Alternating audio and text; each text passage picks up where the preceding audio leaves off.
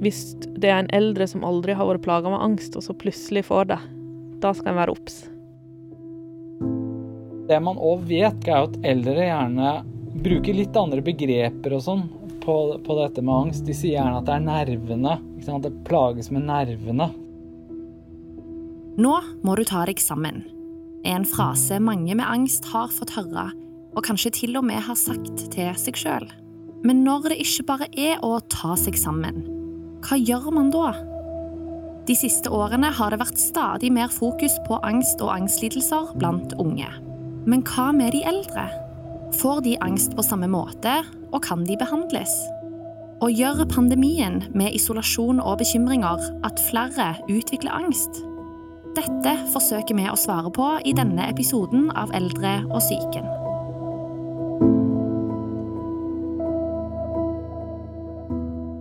Jeg har vel slitt mer eller mindre i eh, fem, nei, 40 år, jeg. Fabian Stang var ordfører i Oslo i åtte år, og jobber nå som advokat. I fjor fylte han 65 år. Allerede som ung voksen fikk han en angstdiagnose. Jeg debuterte, som det heter, som eh, ja, ja 27-åring, tenker jeg. På slutten av studiene.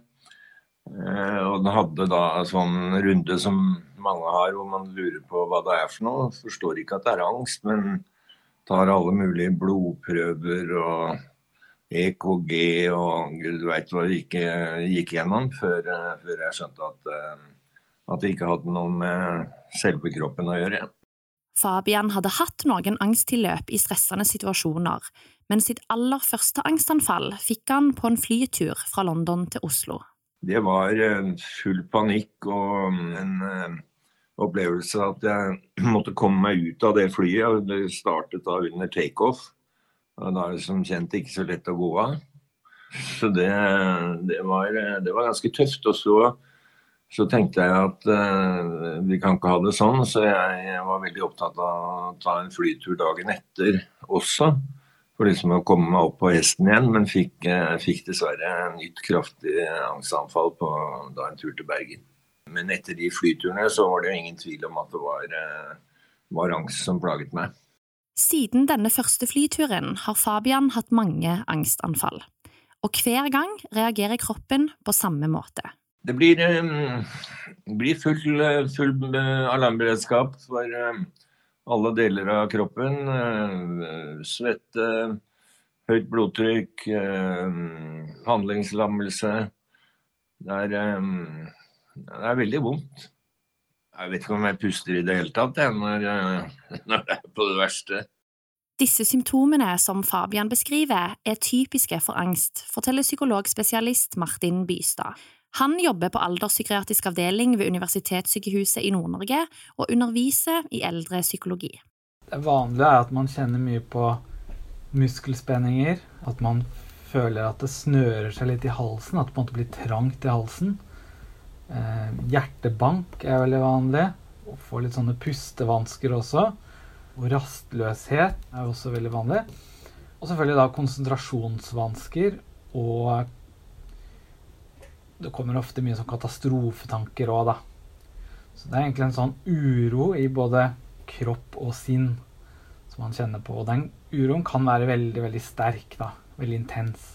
Og det er jo akkurat det samme som skjer når vi blir redde.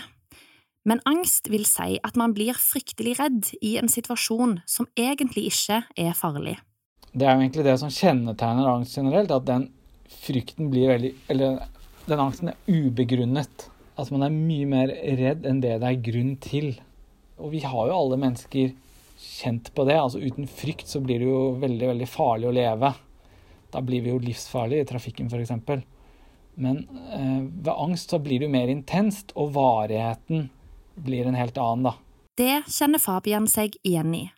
Jeg har blitt brukt den der eh, forholdsvis kjente forklaringen om at det blir som hvis du møter en, en bjørn eh, som reiser seg på to to meter foran deg, så er jo kroppen laget for at eh, alt skal gå i alarmberedskap, og adrenalin skal frem, og du skal eh, være absolutt på tå hev. Og det er jo helt naturlig. og For meg er angst at du får den samme reaksjonen i situasjoner hvor det ikke er noe farlig, men, eh, men hvor det dukker opp allikevel.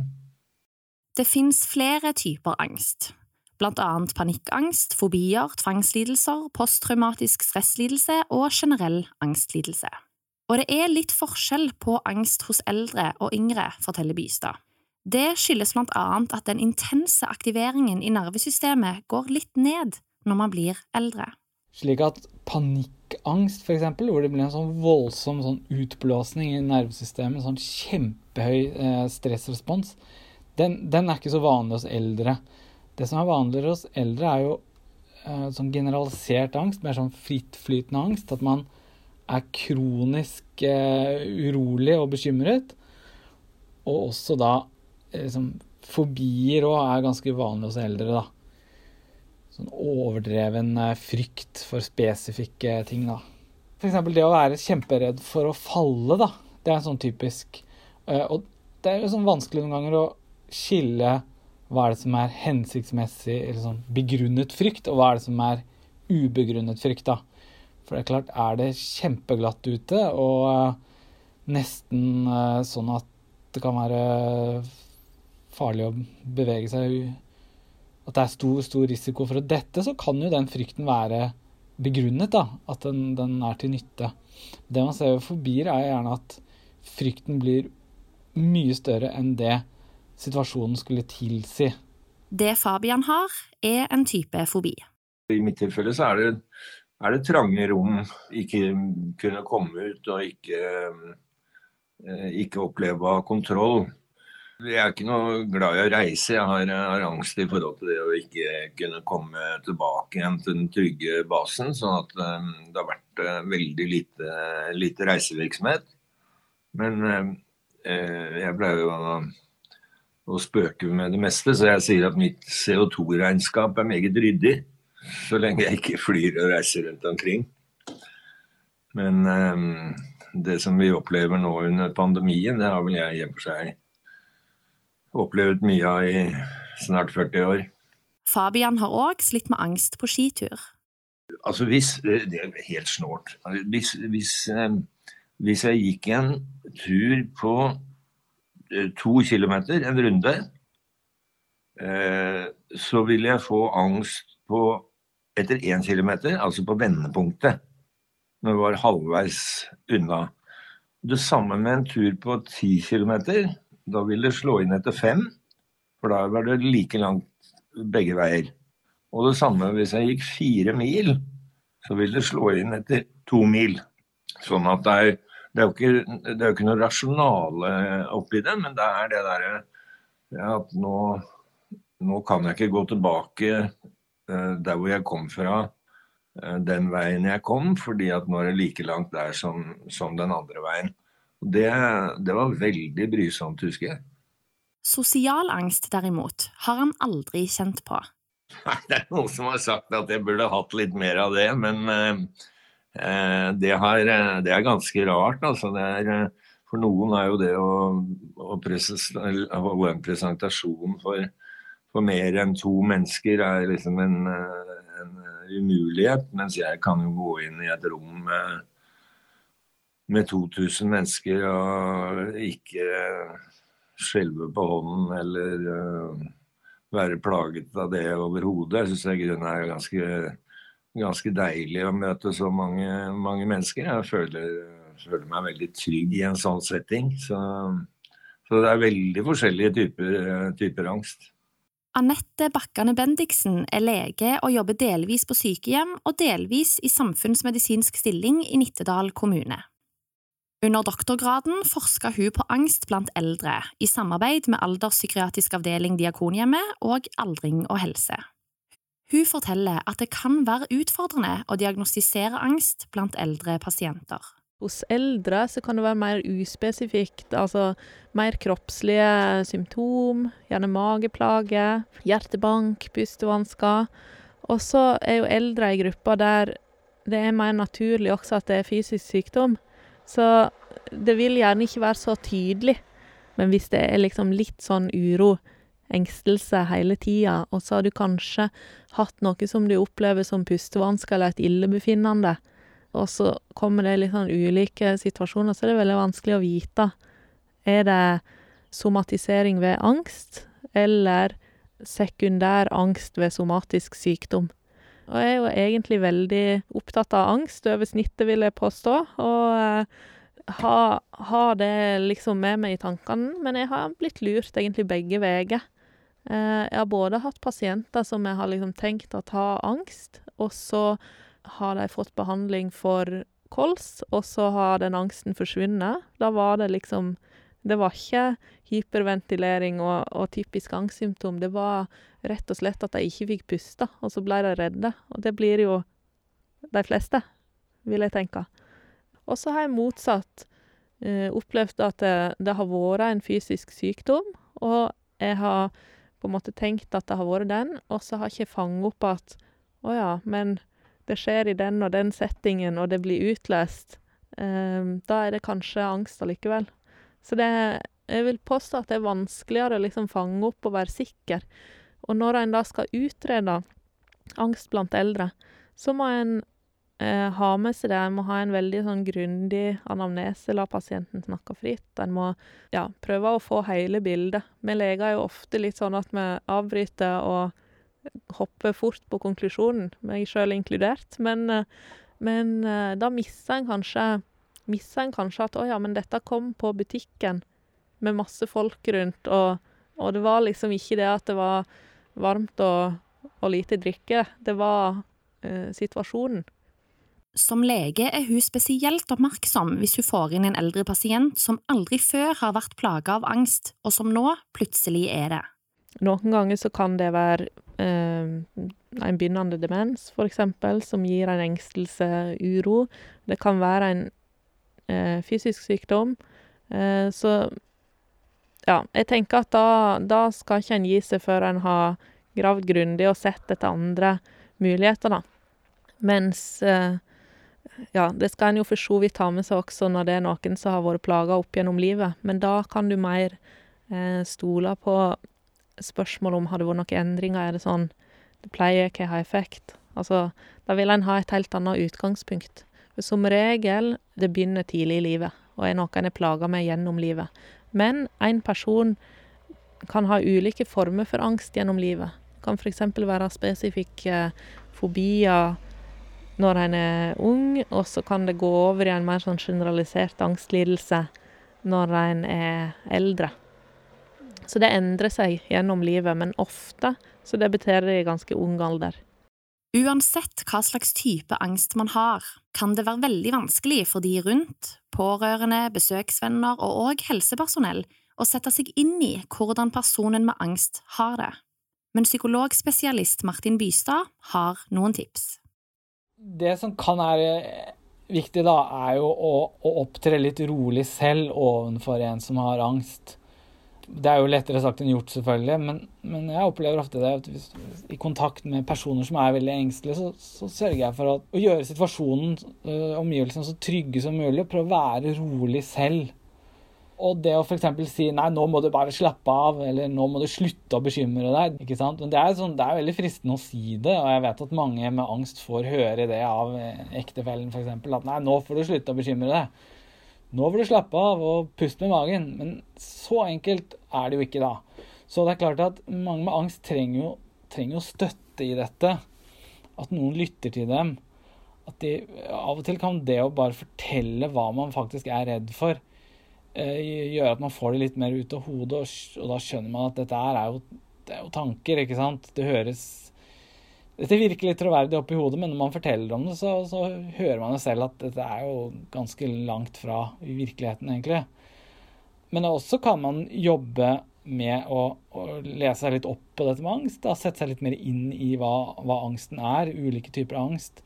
Men um, hvis angsten er veldig sterk, så, og det er sammensatt, og det kan jo ofte være, så er det viktig å, å oppsøke hjelp og oppmuntre da den til å oppsøke hjelp. Og det er ikke sånn at, eh, at angst er et svakhetstegn, eller at man er svak hvis man søker hjelp for angst. Jeg vil nesten si det er det omvendte. det står veldig mye respekt av å, å oppsøke hjelp. Og personer som har angst, eh, er jo faktisk ganske sterke, for de har jo holdt ut med dette ofte veldig, veldig lenge. Så de har jo på en måte stått i noe kjempevanskelig over tid, så det er ikke et svakhetstegn å ha angst. Det tenker jeg er viktig å, å understreke. Ekspertene er enige om at det å lytte og oppmuntre til å søke hjelp er viktig hvis man er pårørende eller besøksvenn til en som sliter med angst. Man kan òg forsøke å tilpasse hvordan man gjør avtaler, forteller Anette Bakkane Bendiksen. Det er jo litt sånn individuelt, da, men, men eh, hvis en eksempel har sosial angst og blir liggende og gruer seg hvis en vet en skal noe, så kan det jo for noen fungere godt at en ikke får så lang tid å tenke på ting.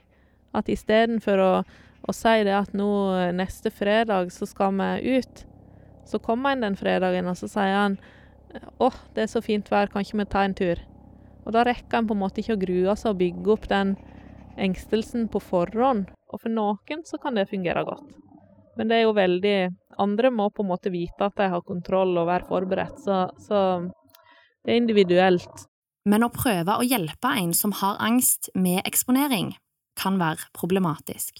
Den pårørenderolla kan jo være litt vanskelig. Da skal en jo gjerne slippe å være den som gjør vanskelige ting. For det, altså, hvis en skal drive eksponering, for eksempel, så eh, må en jo eh, faktisk utløse angst. En må stå i det, en må komme gjennom det. Og på den ene sida så kan jo det være lettere å få gjort med noen som er nærme, som bryr seg skikkelig.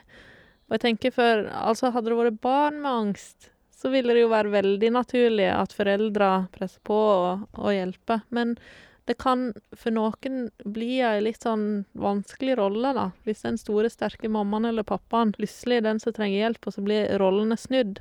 Så jeg tenker det er veldig avhengig av både den som eh, har problemer med angst, og den som skal hjelpe. At alle er liksom komfortable med det, da. Fabian er enig. Han mener at forståelse og omsorg er viktig, men at eksponering bør overlates til fagpersoner. Altså Angstpasienter bør jo eh, presses eh, i forhold til det man har angst for, for å eh, bli kvitt den. Eh, det, den, det tror jeg alle er enige om, at hvis du tør å eh, eksponere deg for det du er redd for, så, så, så reduseres angsten hos, eh, hos mange.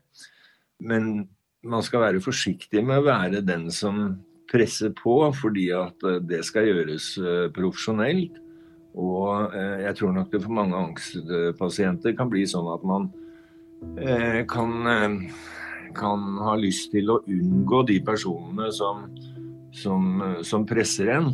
Så jeg tror jeg som, som pårørende eller som, som besøksvenn ville, ville, vært ganske forsiktig med å være, være terapeut. Jeg tror jeg i større grad ville fokusert på å tilkjennegi at man skjønner at den som sliter, har det vanskelig, men kan likevel være ærlig på at man ikke forstår hva innholdet er, men, men tross alt forstår at det er noe som er veldig vanskelig.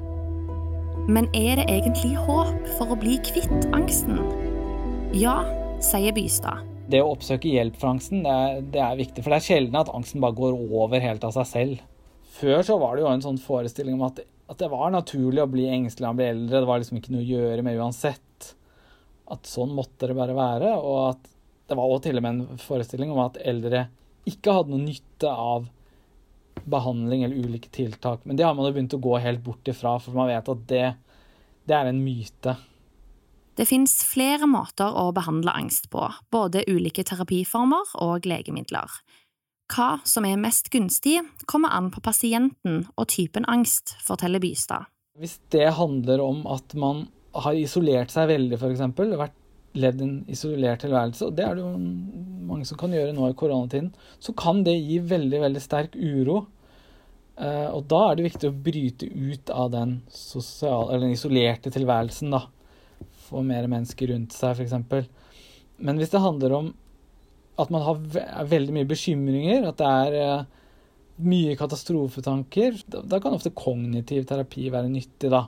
Hvor man jobber med å endre måten man tenker på. Og også jobbe litt med å utfordre den angsten litt.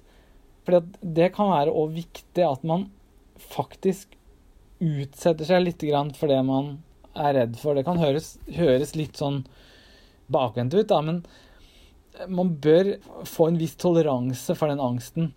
Fordi hvis man prøver å unngå all form for angst, så vil angsten bli sterkere. Så, så hvis man f.eks. er redd for å gå på et uh, kjøpesenter, da, fordi man er redd for at uh, man ikke helt skal finne fram, så kan det være viktig å faktisk oppsøke det kjøpesenteret og, og trosse den frykten litt. Så, så, det å gå litt ut av den der komfortsonen, som det heter, kan være, det kan være ganske viktig. Den typen kognitiv terapi kalles òg eksponeringsterapi, og er den mest vanlige formen for behandling av angst. Men det fins òg andre ting som kan hjelpe. Martin Bystad har skrevet en bok om avspenning, og sier at flere av hans pasienter har hatt nytte av å lære mindfulness-øvelser. Og det handler jo om å lære spesifikke, spesifik teknikker, da, sånn at man kan, man kan slappe av Riktignok så krever jo det en del øvelse, og man er nødt til å sette av litt tid til det. Så den, den egeninnsatsen der, den er det jo ikke alle som, som, er like klar for, da. Så det krever litt motivasjon, så det er utfordringen der. Men på den annen side så er det veldig mange som, og særlig eldre også, som syns at det å lære seg noe de kan gjøre selv, er veldig nyttig. Det gir en følelse av mestring og, og litt mer kontroll over egen situasjon. Dersom man ikke får bukt med angsten gjennom terapi, er ofte neste steg å prøve legemiddelbehandling, forteller lege Anette Bakkane Bendiksen. Det finnes mange ulike medisiner mot angst, som alle har sine fordeler og ulemper. Hvis en skal bruke legemiddel, så er førstevalg SSRI, det vil si en type antidepressiva. Og en ser jo at det òg er sterk sammenheng mellom angst og depresjon, men også der det ikke er samtidig depresjon, så er førstevalget SSRI. Det har vist god effekt blant mange, men det tar litt tid før det virker, og det har en del bivirkninger. Um, det som blir veldig mye brukt, og har vært veldig mye brukt, er noe som heter benzodiazepiner. Typisk Obril eller litt tyngre Val. Og det ble lansert på 70-tallet som mors lille hjelper, og en anså det som helt ufarlig, og en brukte det egentlig ganske rundhånda. Og det som er med den medisinen, er at veldig mange får en veldig god effekt. Merker liksom den angstdempende effekten, men det er bivirkninger, har vi funnet ut, og det er toleranseutvikling. Og det eh, vil da si at det som først hadde effekt, vil kanskje ikke ha den samme gode effekten etter hvert, og så må en øke dose. Og det er heller ikke uvanlig at det blir en slags komorbid, det vil si samtidig rus. At det blir et problem, da. Og så er det jo sånn med eldre at om en har brukt den Sobrilen da i mange år, så kan den plutselig bli for mye for kroppen når en blir eldre og skrøpeligere. Et annet legemiddel som er i samme gruppa som benzodiazepin, det er Buspiron den eh, er på en måte et litt lettere legemiddel innen samme gruppa. Og det vil si at den har færre bivirkninger, men det er samtidig mindre effekt. Og da, ja, vil det jo være utfordrende. Og så tenker jeg det er viktig at selv om en skal begrense bruk av benzodiazepin, tenke seg nøye om, så er ikke det sånn at det aldri har noe for seg. For jeg har for så vidt skrevet ut til en god del pasienter som jeg tenker det er kjempenyttig hos. Men da, da har det vært gjerne de som har den i lomma, og som føler tryggheten med at de vet at hvis det blir for ille, så har de noe. Og så har det gjerne vært mer sånn situasjonsbestemt, da. Hvis du er, er livredd for tannlegen og skal til tannlegen, så kan det ha veldig god effekt. Og da veit du at du får slappe av, du får, du får på en måte god effekt av det, men da vil du ikke få den toleranseutviklingen, for forhåpentligvis er ikke du tre ganger om dagen hos tannlegen. Ei anna legemiddelgruppe som blir en del brukt, særlig tenker jeg blant de pasienter med demens og mer utagerende, er antipsykotika. Det er egentlig en litt skummel medisintype, og særlig foreldre. Har alvorlige bivirkninger. Og egentlig så er det ikke noe dokumentert effekt av de legemidlene. Men det er ikke uvanlig at det blir brukt i, i lave doser. Ei siste gruppe er lyrika, som har god effekt i behandling av angst blant eldre. Eh, men der også ser en at det er en toleranseutvikling. Ja, og så er det gjort en del studier på en del urter, valeria, kava-kava. Eh, også på abortmedisin og noen andre hormon. Men eh, det er mer eksperimentell behandling. Det er ikke noen klare studier. Men det overordna er at eh, det ser ut som det er få som blir friske uten noen form for behandling, men at det er håp om å bli frisk med behandling. Fabian har prøvd ulike former for behandling opp gjennom årene, men det som hadde størst effekt for han, var eksponeringsterapi. Jeg har prøvd, jeg har prøvd mye eksponering, men jeg har nok også endt opp med å eh, bøye unna de situasjonene som, eh, som er vanskelige. Jeg har lagt opp eh, livet litt etter det, så angsten har nok i stor grad fått lov til å å styre mitt liv. Men når jeg har vært på jobb, så har jeg jo måttet presse meg i mange situasjoner med i og for seg eh, stor grad av suksess.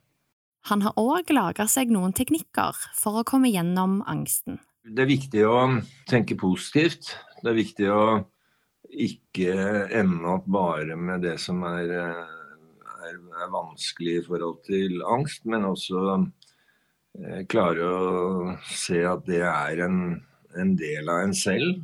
Og vi pleier å være snille mot oss selv, så da må vi ikke nødvendigvis være snille med angsten, men vi må, vi må kunne innse at den er også en del av oss. Og at vi må gjøre det beste ut av det. Det er jo nå blitt veldig mye sånne kurs og teknikker og, og moderne varianter for å bli kvitt angsten. Og jeg anbefaler jo absolutt alle som, som klarer å, å, komme ut av det og ta imot, um, eh, ta imot sånne tilbud. Men, men jeg, jeg, tror nok også det er en del av oss som, som bare må innse at dette, dette er oss, og sånn er vi. og så prøve å glede oss over det som ikke plager oss. Fabian har aldri tatt medisiner direkte mot angsten. Men han sliter, i likhet med veldig mange andre, òg med depresjon, og tar derfor antidepressiva. Angsten og depresjonen er dessverre to svært gode venner som eh, ofte holder sammen. De er eh, krevende å, å få skilt fra hverandre, og de eh, de, eh, de, heier på hverandre. Sånn at eh, skal du først uh, ta et oppgjør, så må du ofte ta et oppgjør med begge to. Jeg går ikke så mye behandling nå, men jeg, jeg går på, på litium for å, for å slippe at depresjonen får tak, den dype depresjonen. Men der er det jo det er forskjellige medisiner. men det er, eh, det er nok mange som, som, kunne hatt godt av å få litt, eh, litt pillehjelp. Tidligere i episoden fortalte lege Anette Bakkane Bendiksen at angsten gjerne kan endre litt form når man blir eldre. Fabian, som har slitt med angst i 40 år, henger seg mest opp i at han ble referert til som en eldre. Jeg er ikke eldre. det har vært ganske rart i disse pandemitider, fordi det har blitt veldig sånn Er du 65, så, så er du gammel. Jeg tror, tror, uten pandemien så tror jeg jeg hadde vært ung i, i ganske mange år eh, fortsatt oppi hodet mitt. Men, eh, men man får veldig mange beskjeder nå om at når man er 65, så er man eldre. Men spøk til side, nei. jeg eh, jeg syns ikke det har vært noen endringer som følge av uh, alder. Jeg hadde vel i og for seg kanskje håpet at det skulle brenne ut litt etter hvert som man uh, blir voksen, men, uh, men, det har det heller ikke gjort. Bortsett fra det at vaksineringsprogrammet nå har definert han som en eldre, har ikke Fabian merka noen store endringer i angsten under pandemien. Nei, det, det syns jeg egentlig ikke. Jeg syns um, kanskje heller, uh, heller omvendt, fordi at jeg har vært såpass plaget som jeg har vært. Sånn at jeg har laget meg teknikker for å, for å komme gjennom angsten. Så jeg er kanskje bedre forberedt enn uh, enn mange andre i disse dager. Psykolog Bystad er enig i Fabians analyse. Personer som har slitt med angst i lang tid, kan ha et fortrinn under pandemien. Når det gjelder personer som har mye angst fra før, så vil de kanskje ikke merke så stor forskjell, fordi de allerede er på en måte De er litt på hjemmebane, da. Vant til å kjenne på mye uro og katastrofetanker og sånn. Men, men jeg tror nok at det vil være en økning i angstsymptomer hos dem som, som ikke har hatt så mye angst før. Og Dette med sosial isolasjon det kan gi selvfølgelig depresjon, og det gir òg mye uro. Veldig mange som blir isolert over tid, rapporterer jo om at de får mye uro. Altså mye angst, da. Vi mennesker er jo sosiale individer, da. Vi er jo, vi er jo avhengig av, av, menneskelig kontakt. Men selvfølgelig litt forskjell på folk der, da. Og, så, så det er det viktig å understreke at um, dette personlighetstrekket som heter nevrotisisme, det handler om hvor, hvor lett man blir engstelig. Det vil òg ha mye å si da, for, for uh, om man får mer angst som en følge av en sånn uh, pandemi som vi står i nå. Og spesielt for noen eldre med demens har pandemien skapt mye engstelse, forteller lege Anette Bakkane Bendiksen. Jeg jobber jo på sykehjem, der jeg tenker at det helt klart er utløst av pandemien. Eh, og forverra. Altså noen pasienter, særlig de som ikke skjønner helt hva som skjer. Altså hvis en har en alvorlig demens, egentlig ikke får med seg samfunnsbildet, og så plutselig så forsvinner familien. Det har jo vært besøksrestriksjoner på mange sykehjemmer. Så tenker jeg at hvis du da hører om et virus, for det hører en kanskje, og så har familien din forsvunnet, så er det jo nærliggende å tro at det har skjedd noe med familien. Og at en går rundt da og bekymrer seg og, og blir plaga med angst, det syns jeg er veldig naturlig. Og for mange så kan jo det være en kjempebelastning å utløse angst og angstsymptom. Og da er det jo for så vidt Altså, da er det jo reelt, sånn sett, da. Da har det jo skjedd noe, og det, det, det er en reell bekymring. Men eh, da ville kanskje ikke den personen hatt den angsten hvis en visste at nei, familien min har det bra, det er bare at de ikke kan komme akkurat nå.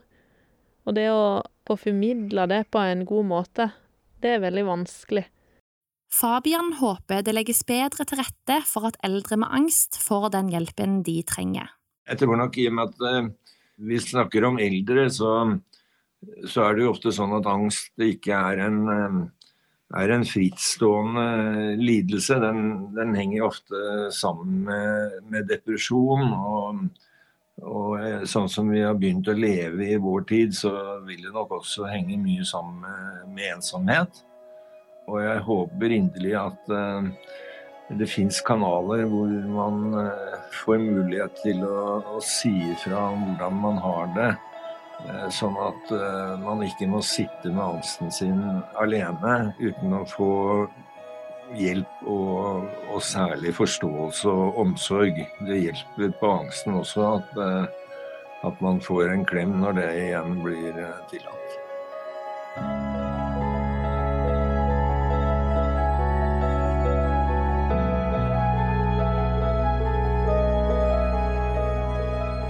Du har hørt en podkast fra Nasjonal kompetansetjeneste for aldring og helse i samarbeid med Rådet for psykisk helse. Produsent og manusforfatter Hanna Klingberg, fortellerstemme ved Karoline Marie Enoksen. Podkasten er finansiert av Stiftelsen DAM.